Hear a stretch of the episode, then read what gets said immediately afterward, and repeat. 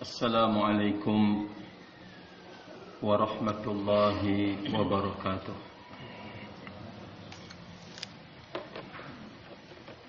الحمد لله رب العالمين.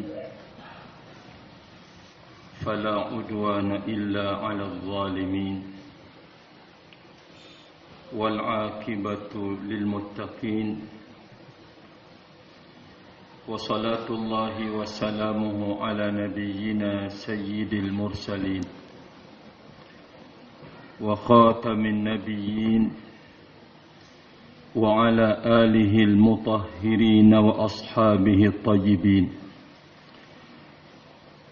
ومن تبعهم بإحسان إلى يوم الدين. أما بعد فأوصي نفسي وإياكم بتقوى الله فقد فاز المتقون. قال الله عز وجل في كتابه يا أيها الذين آمنوا اتقوا الله حق تقاته ولا تموتن إلا وأنتم مسلمون. وقال النبي عليه الصلاة والسلام اتق الله حيثما كنت وأتبع السيئة الحسنة تمحوها وخالق الناس بخلق حسن Saudaraku kaum muslimin dan muslimat yang saya hormati dan yang saya muliakan Alhamdulillah. Puji dan syukur Kita tidak melupakannya kepada pemiliknya Allah Azza wa Jal. Karena dialah yang telah menutupi Menganugerahkan dan melimpahkan Segala apa yang dibutuhkan oleh makhluk di muka bumi ini Dia Allah Azza wa Jalla yang mengatakan Wa ma bikum min ni'matin faminallah Tidak ada sekecil apapun dari nikmat kecuali datangnya dari Allah Jalla Subhanahu wa taala. Ayat ini sesungguhnya bagi orang yang telah dianugerahkan keimanan. Dia akan mencoba untuk mengkaji, mendalami serta melakukan koreksian pada dirinya. Kalau nikmat itu datangnya dari Allah Jalla Subhanahu tentunya dia berhak untuk menahannya nikmat itu atas seseorang. Dan dia pula yang berhak untuk mencabutnya dari siapa pun makhluknya barakallahu fi wa ma bikum min ni'matin faminallah tiada kalian berada dalam satu nikmat atau tidak ada sekecil apapun dari nikmat kecuali datangnya dari Allah Jalla Subhanahu wa taala. Segenap saudaraku kaum muslimin dan muslimat yang saya muliakan.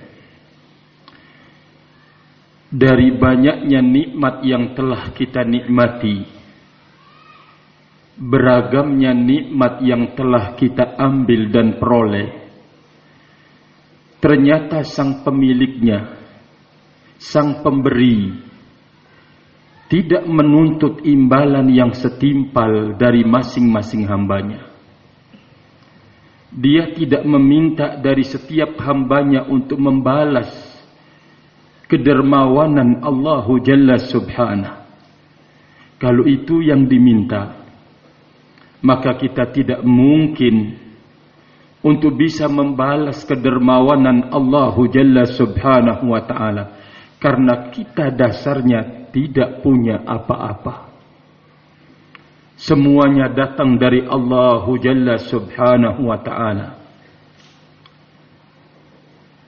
Namun dialah Allah Jalla wa ala yang telah memberitahukan dengan beragamnya nikmat yang telah diberikan kepada makhluknya. Allah Jalla wa ala meminta dari mereka bentuk kesyukuran yang bila dia mewujudkan bentuk kesyukuran ini ternyata sebuah nikmat pula dari Allah Jalla Subhanahu. Apa yang diminta oleh Allah Jalla wa ala sebagai bentuk kesyukuran yang paling dalam dan paling tinggi dari seorang hamba kepada Sang Khalik, Sang Pencipta. Ucapan alhamdulillah dia telah lakukan. Dia tahu yang memberinya nikmat ini adalah Allah Jalla Subhanahu. Sekarang dia dituntut atau diminta untuk mewujudkan kesyukuran yang paling tinggi dan yang paling dalam kepada nikmat tersebut. Kepada Allah Jalla Subhanahu. Ternyata Allah Jalla wa'ala pula lah yang telah memberitahukan bentuk kesyukuran yang paling tinggi dari seorang hamba di dalam firman-Nya wa ma khalaqtul jinna wal insa illa liya'budun. Tidaklah aku menciptakan jin dan menciptakan manusia kecuali agar mereka beribadah kepadaku kata Allah Jalla Subhanahu. Ketika Aisyah radhiyallahu taala anha bercerita tentang bagaimanakah ibadahnya Nabi alaihi salatu wassalam qiyamul lailnya hatta tafattarat qadamah sampai kemudian kakinya itu menganga luka lalu Aisyah radhiyallahu taala anha mencoba bertanya ya Rasulullah lima sana'ta hadha? Kenapa engkau lakukan ini semua? Faqad ghafarallahu laka ma taqaddama min dhanbika wa ma ta'akhkhar. Padahal Allah Jalla wa Ala telah memaafkan, telah mengampuni kesalahan dosamu, dosa engkau yang akan datang dan yang telah lewat. Kenapa?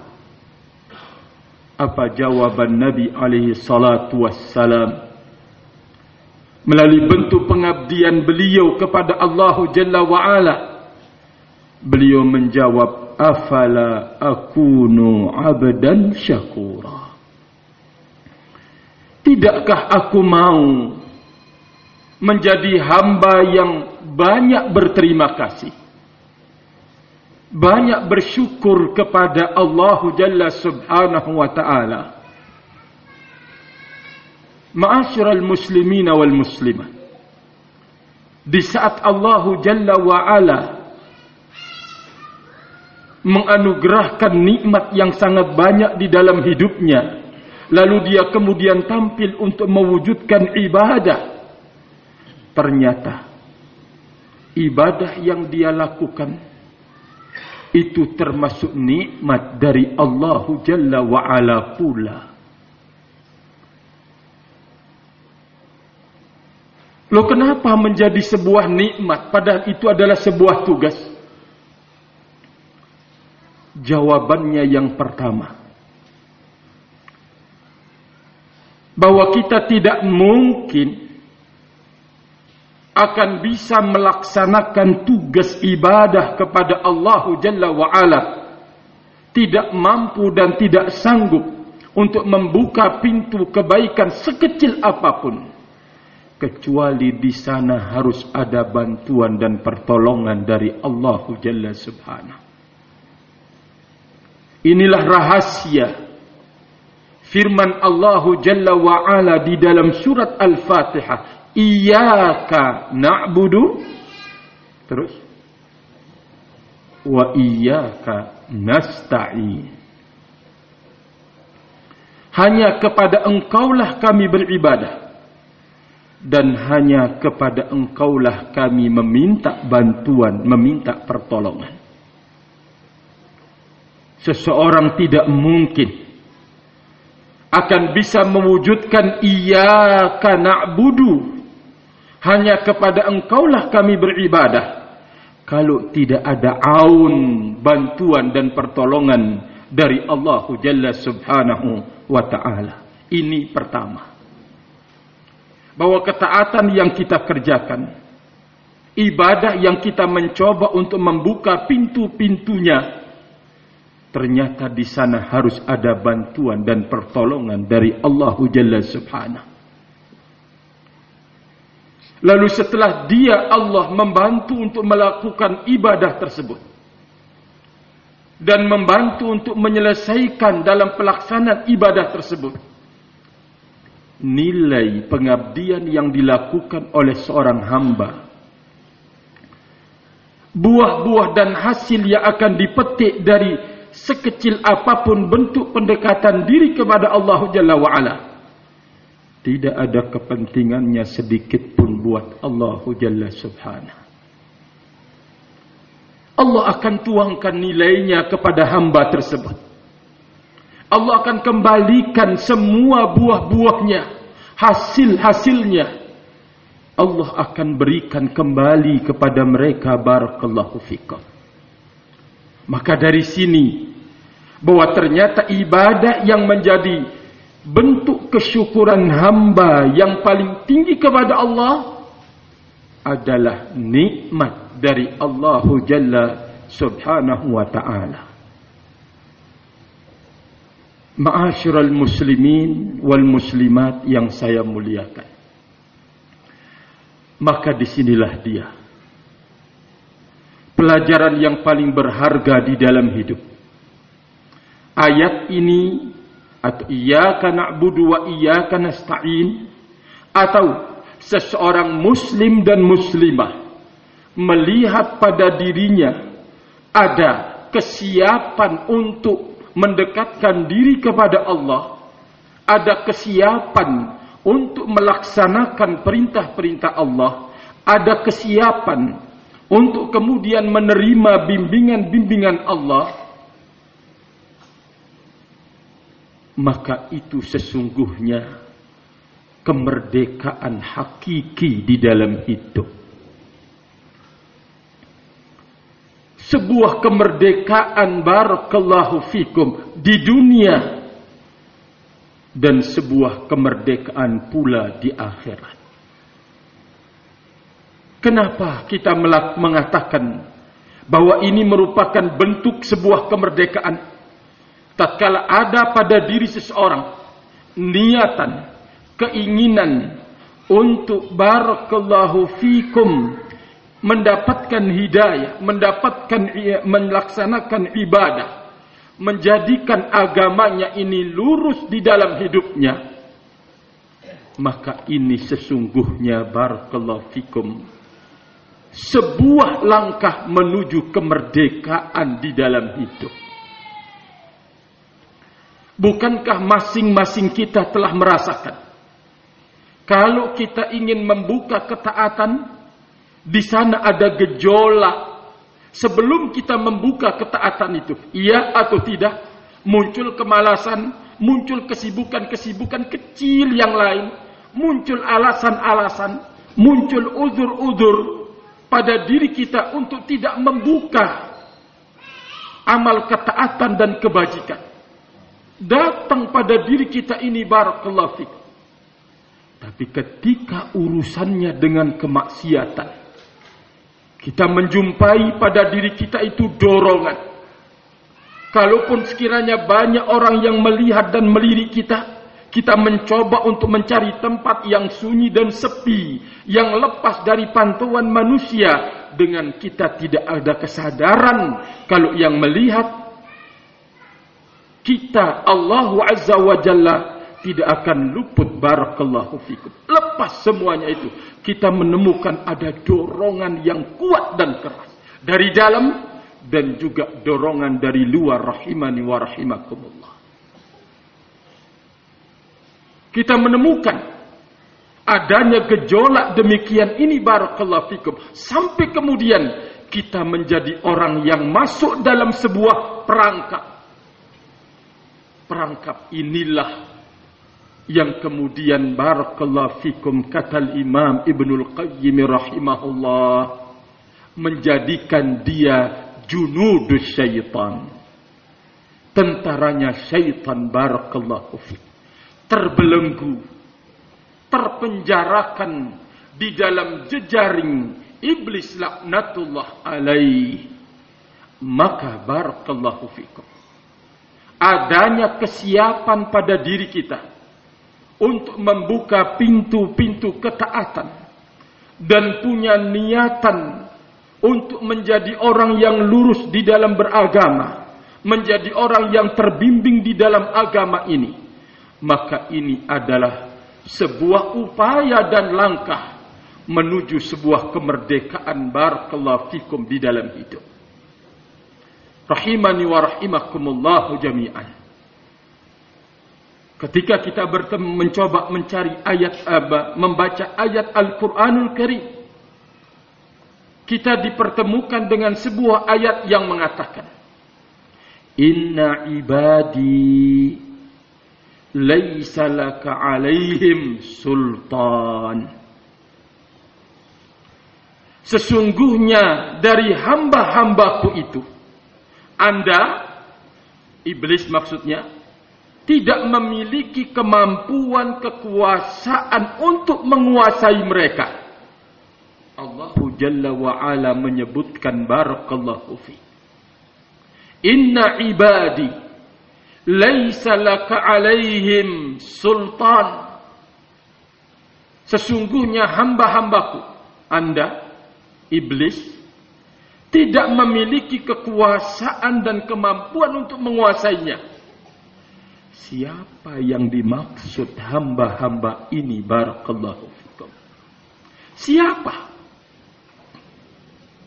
Ayat ini berbicara kata Imam Ibnul Qayyim rahimahullah. Sebuah kedudukan yang agung dan mulia yang dimiliki oleh orang-orang yang bertauhid kepada Allah. Dialah yang tidak mungkin akan dikuasai oleh syaitan. Kalau mungkin dia menjatuhkan ke dalam dosa dan kemaksiatan, iya. Tetapi untuk dikuasai, dia tidak akan mampu dan sanggup. Ketika iblis bersesumbar di hadapan Allah Jalla wa'ala. Dengan mengatakan, La ughwiyannahum ajma'in illa ibadaka minhumul mukhlasin. Sesungguhnya aku akan menyesatkan mereka semuanya kecuali dia mengecualikan. Hamba-hamba engkau al-mukhlasin. Orang-orang yang berakidah barakallahu atas dasar ini Syekhuna Mukbil rahimahullahu taala mengatakan orang yang memiliki akidah yang kokoh dan kuat tidak akan dikuasai hidupnya oleh syaitan. Barakallahu. Mari kita belajar akan sebuah kemerdekaan sesungguhnya di dalam hidup. Kemerdekaan itu barakallahu fikum adalah lepasnya kita dari dua penjajah besar di dalam hidup barakallahu fikum. Mana dua penjajah tersebut? Dan apa sih tujuannya? Maka jelas tujuan penjajah ini adalah ingin memperbudak hidup kita ini kepada hamba-hamba yang menjadi budak. Ingin mengusir kita dari pengabdian kepada Allah Jalla Subhanahu lalu kemudian membawa kita untuk mengabdi, untuk beribadah, untuk tunduk kepada selain Allah Jalla Subhanahu wa taala.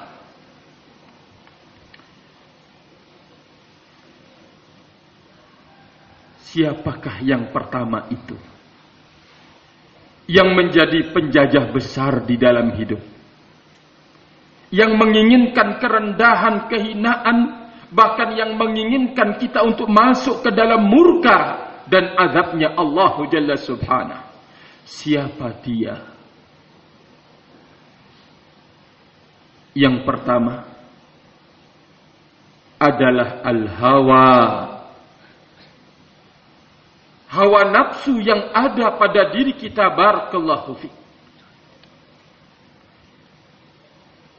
Inilah penjajah pertama kali yang kita bertemu dan berjumpa selalu ketika kita ingin melaksanakan kebajikan dan ketaatan.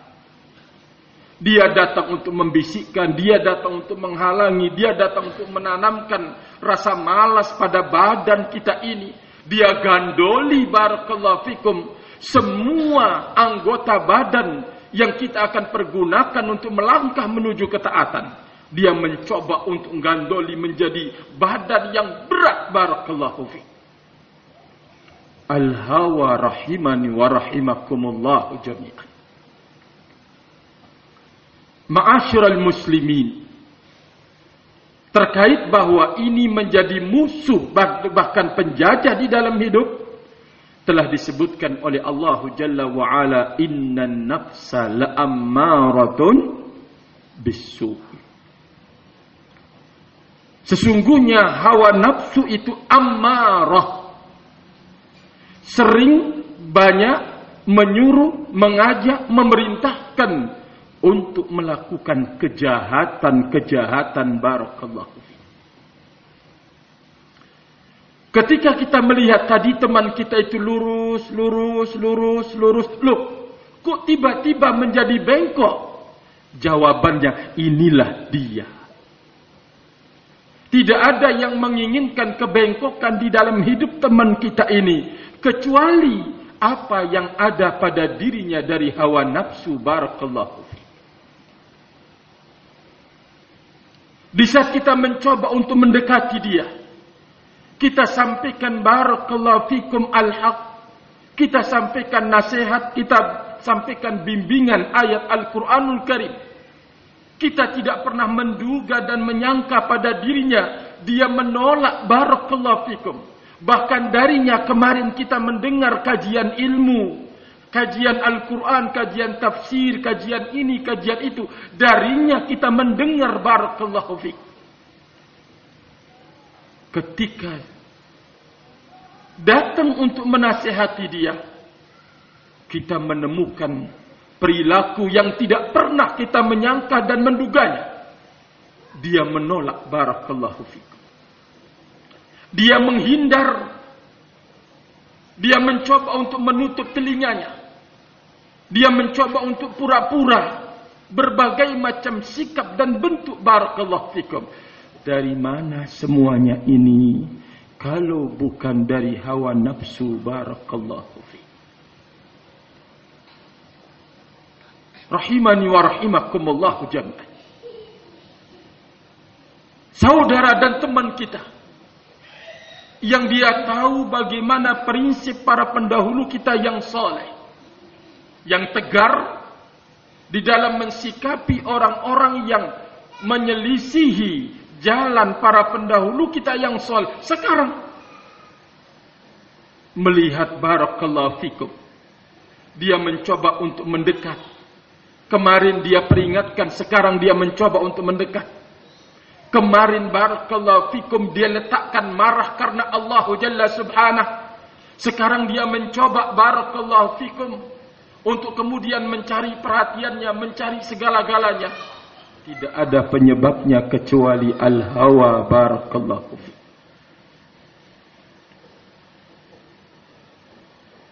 Maka oleh karena itu al-Imam Ibnul Qayyim rahimahullahu taala ketika beliau menjelaskan hadis sab'atun yudhilluhumullahu fi dhillihi yauma la dhilla illa dhilluh tujuh golongan orang yang akan mendapatkan naungan pada hari yang tidak ada naungan kecuali naungan dari Allah Jalla Subhanahu.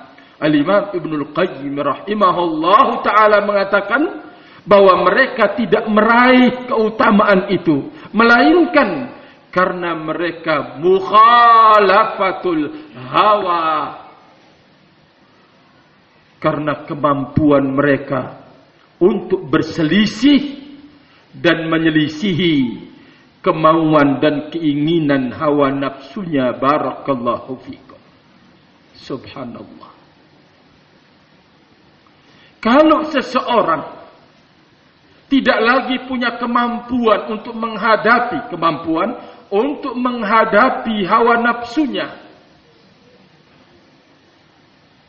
maka kita menyaksikan perilaku yang aneh pada dirinya barakallahu maka kemerdekaan itu sesungguhnya adalah di saat kita lepas dari belenggu hawa nafsu kita sendiri barakallahu maka cukup sebagai bentuk sebuah kemenangan kita tahu bahwa hawa nafsu kita ini selalu mengajak dan mendorong kita untuk melakukan kekeliruan dan kesalahan, dosa serta penyimpangan barakallahu fikum. Ini adalah sebuah pertahanan di saat kita tahu barakallahu fikum. Yang kedua, lebih dari itu, sebuah anugerah besar dari Allah Jalla fi'ula setelah kita mengetahui bahwa hawa nafsu yang kita miliki ini selalu mengajak kepada dosa dan kemaksiatan lalu kita tampil untuk menghadapinya. Setiap bisikan setiap barakallahu fikum ajakan untuk kemudian menjadikan kita malas menjadikan kita tidak punya semangat menjadikan kita barakallahu fikum dekat dengan kekeliruan, dekat dengan kesalahan, dekat dengan kemaksiatan. Kita tampil untuk melakukan pembendungan terhadap diri kita sendiri. Kita tampil untuk kemudian menjadi pahlawan barakallahu fikum. Bisa menghadapinya, bisa mematahkannya. Inilah sebuah kemerdekaan barakallahu fikum. Lalu bagaimana langkahnya? Bagaimana caranya? Untuk kita bisa lepas dari belenggu penjajahan hawa nafsu itu barakallahu fiik. Allahu Jalla fi'ula telah memberikan kiat langkah-langkah yang harus ditempuh oleh seorang muslim dan muslimah kalau dia berharap kemerdekaan di dalam hidupnya. Karena bila dia bisa merdeka dari belenggu ini, kemerdekaan dari penjajahan yang kedua itu lebih lagi barakallahu fiik.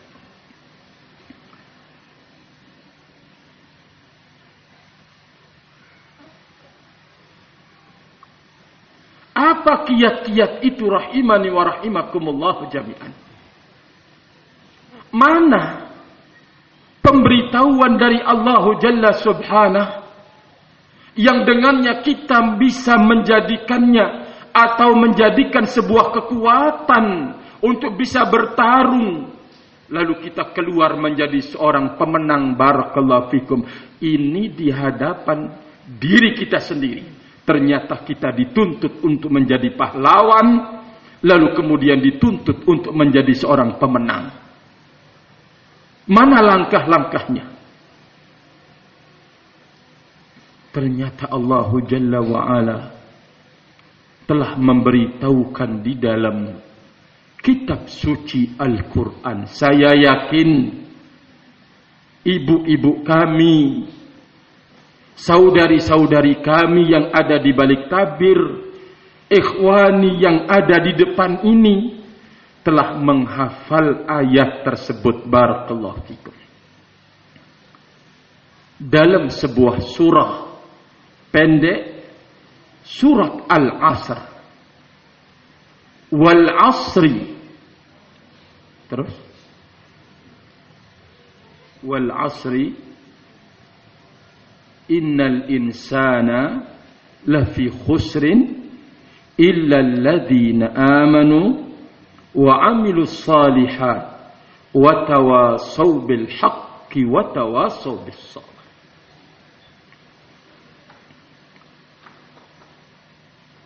Surat Al-Asr. Al-Imam Ibn Al-Qayyim rahimahullahu taala di dalam kitab beliau Zadul Ma'ad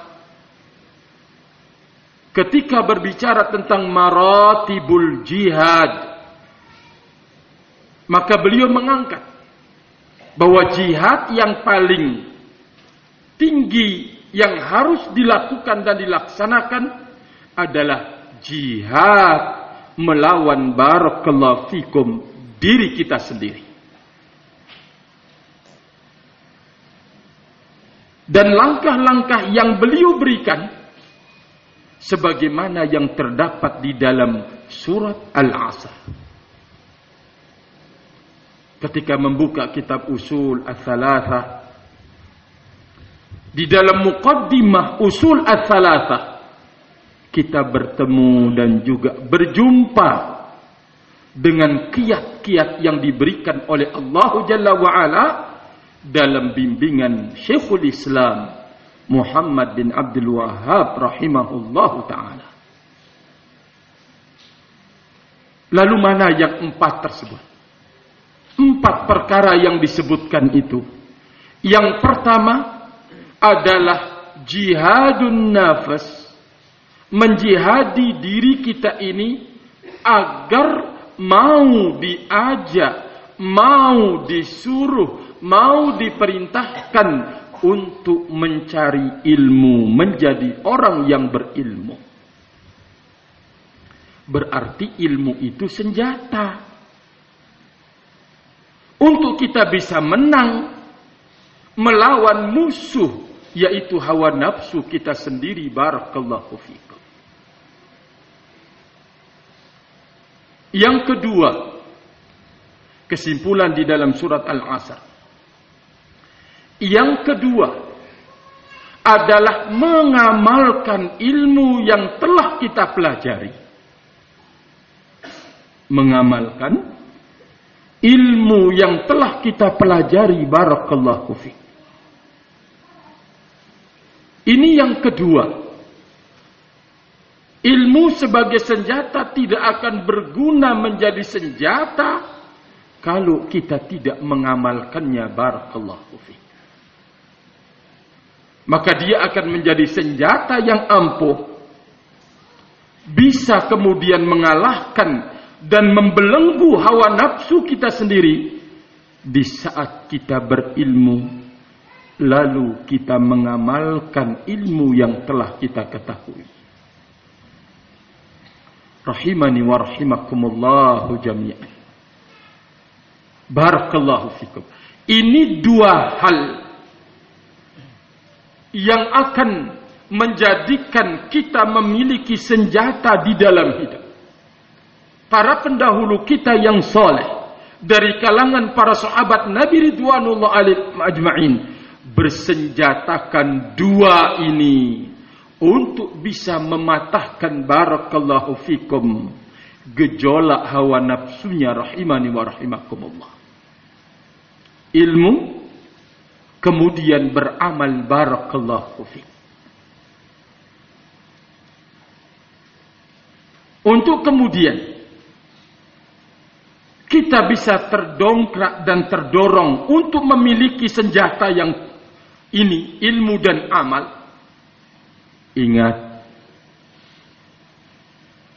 di dalam mencari ilmu dan beramal itu juga banyak ujian dan cobaan. Hawa nafsu tidak akan tinggal diam. Melihat ada orang yang ringan berangkat ke majelis ilmu.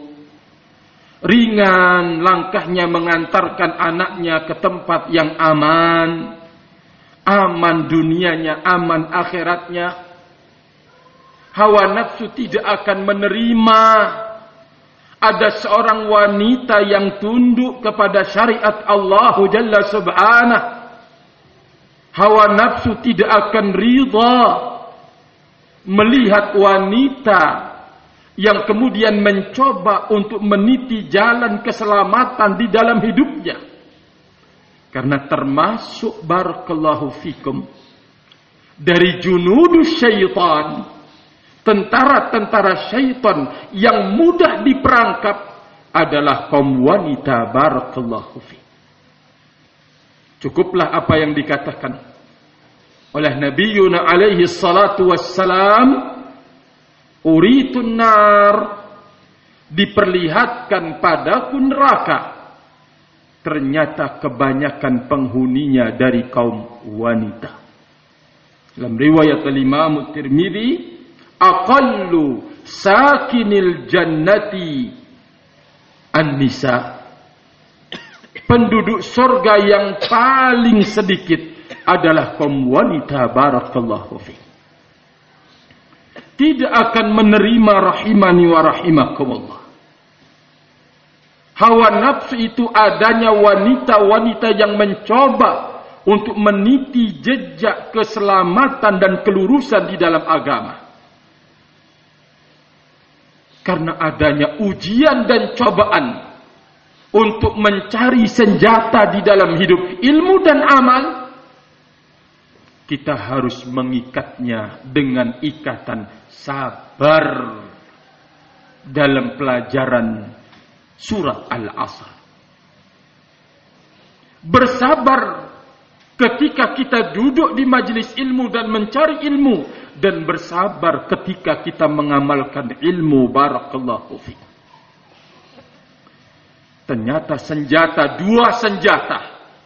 Untuk kita menghadapi gejolak hawa nafsu yang menggeret atau akan menggeret kepada kesesatan ternyata harus ditopang dengan yang ketiga. Kesabaran. Barakallahu fikum. Rahimani wa rahimakumullahu jami'an. Setelah kita mengetahui tiga hal ini sebagai penyempurna diri kita untuk bisa lepas dari belenggu barakallahu fikum hawa nafsu penjajahan hawa nafsu kita sendiri. Setelah kita melihat diri kita ini mampu merdeka Allah menganjurkan kita untuk mencoba berupaya menyelamatkan orang lain juga sebagai upaya untuk mengokohkan kita di dalam kemerdekaan ini. Bagaimana? Berdakwah barakallahu fikum kepada orang lain. Menyampaikan bimbingan agama, arahan barakallahu fi. Apakah kita melalui menebar salam kepada siapa dari kaum ibu yang kita ketemukan muslimah di jalan, di pasar, di mana saja kita coba sebar salam sebagai bentuk ilmu yang telah kita dapatkan dan kita amalkan. Karena Nabi Ali salatu wassalam yaqul tadkhulul jannata hatta tu'minu wa la tu'minu hatta tahabbu. Awala adullukum ala syai'in In fa'altumuh tahabbabtum abshus salama bainakum. Termasuk barakallahu fikum upaya untuk kita berusaha mewujudkan amal untuk membentengi diri kita dari hawa nafsu ini, menyelamatkan orang lain melalui pintu yang sangat ringan. Tidak butuh duit, 500 perak, 100 perak untuk kita kemudian mengeluarkan dari kantong kita, dari dompet kita. Tidak, yaitu menebarkan atau menebar luaskan salam kepada siapa yang kita kenal dan yang kita tidak kenal barakallahu fi. Lewat di atas motor ketemu bersama seseorang di jalan assalamualaikum. Ya, Jangan sampai jalannya kecil, Naik motor banter.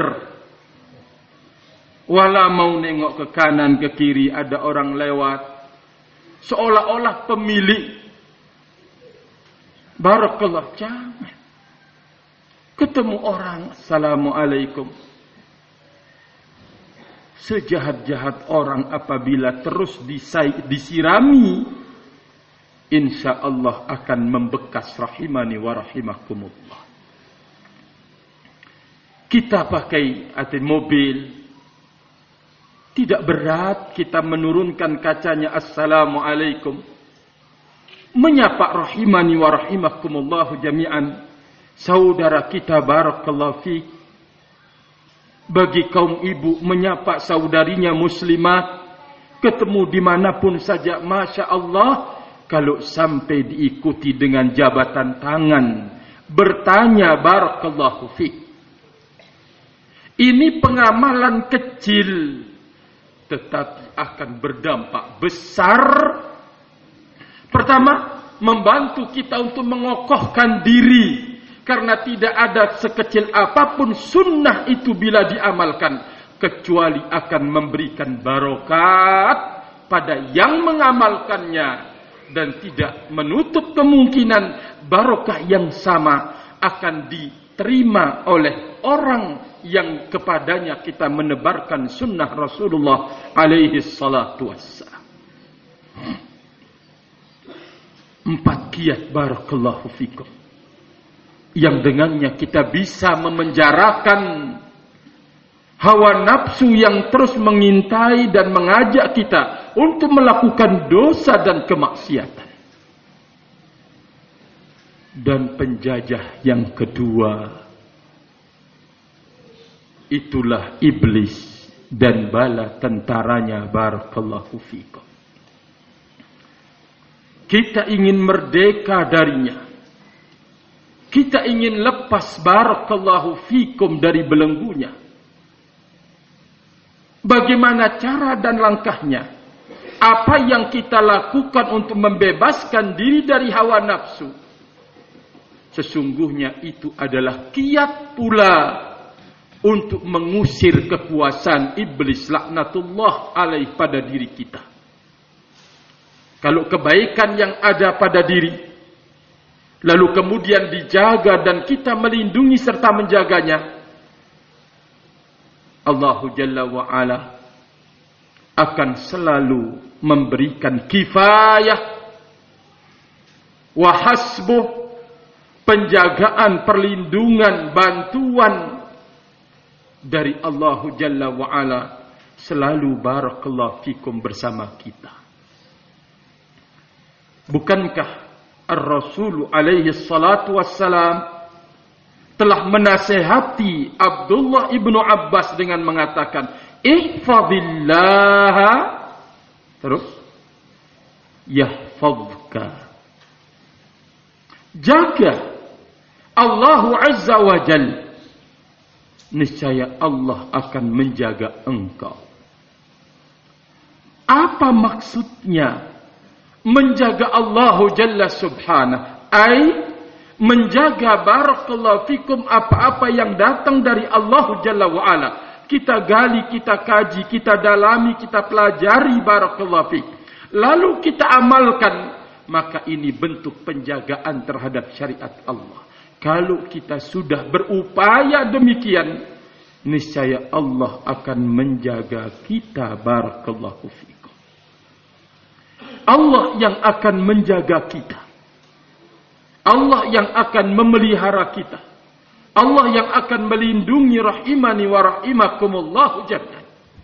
Bukankah barakallahu fikum kekuasaan jahiliyah itu diusir oleh Allah Jalla wa ala dengan kekuatan ta'ah? Jawabannya iya Ketaatan yang paling besar kepada Allah Jalla wa'ala adalah ketaatan dalam tauhidullah Jalla subhanahu. Dengan ketaatan itu. Sehingga sana kehidupan jahiliyah barakallahu fikum. Lenyap pula rahimani wa rahimahkumullahu. Itu pula yang akan melenyapkan pada kehidupan masing-masing kita rahimani wa rahimakumullah. Maka langkah setelah kita melakukan ini semua yaitu menggampangkan dan memudahkan diri untuk mengangkat tangan barakallahu fikum meminta perlindungan kepada Allah Jalla Subhanahu meminta kemenangan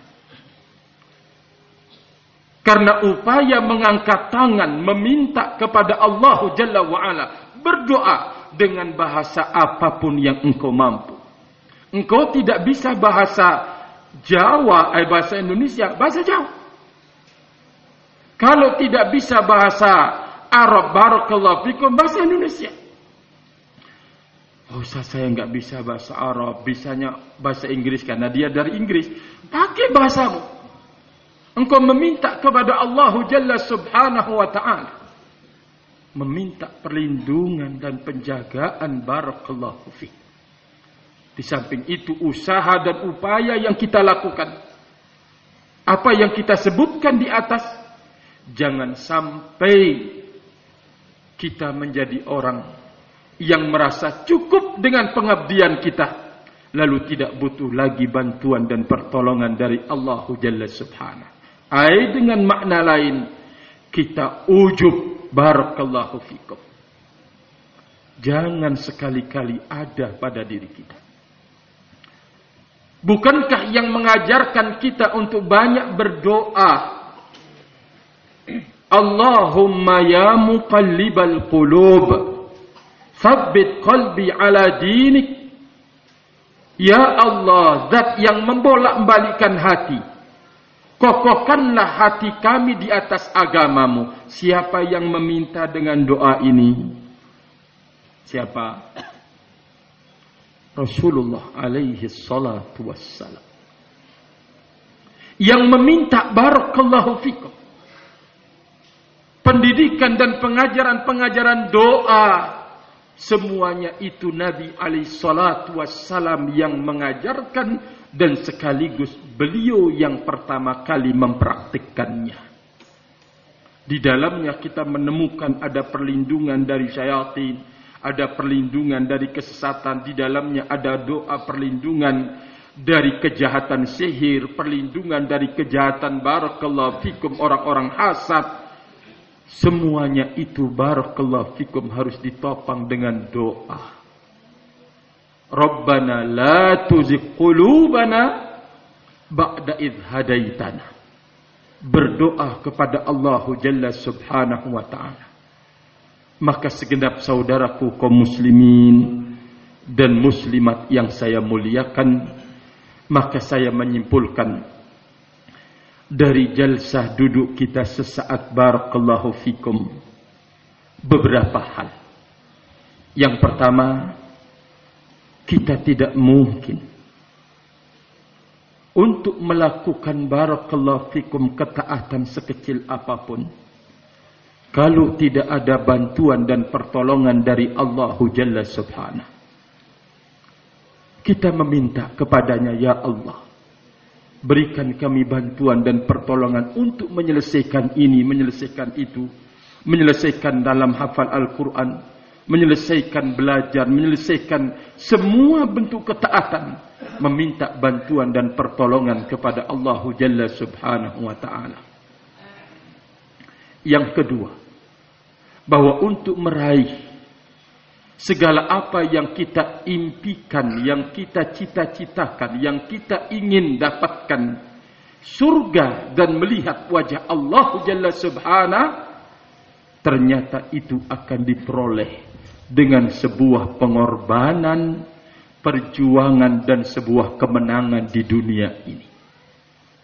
Kemenangan yang kita maksudkan keluar lepas dari belenggu barakallahu fikum hawa nafsu dan lepas dari belenggu iblis dan bala tentaranya rahimani wa rahimakumullah. Kemudian yang terakhir dari pembahasan barakallahu fikum bila seseorang telah mendapatkan kekuatan untuk menjadi orang yang merdeka di dalam hidup, kekuatan ini harus dijaga dan dipelihara. Kekuatan ini harus dijaga. Kekuatan ini harus dipelihara. Dan tidak ada langkah dan cara memelihara kekuatan ini kecuali dengan taatullah jalla subhanahu. Kecuali dengan mentaati Allah jalla subhanahu. Membuka pintu-pintu taat. Membuka pintu-pintu ibadah. Dengan inilah kekuatan itu kita jaga dan lindungi.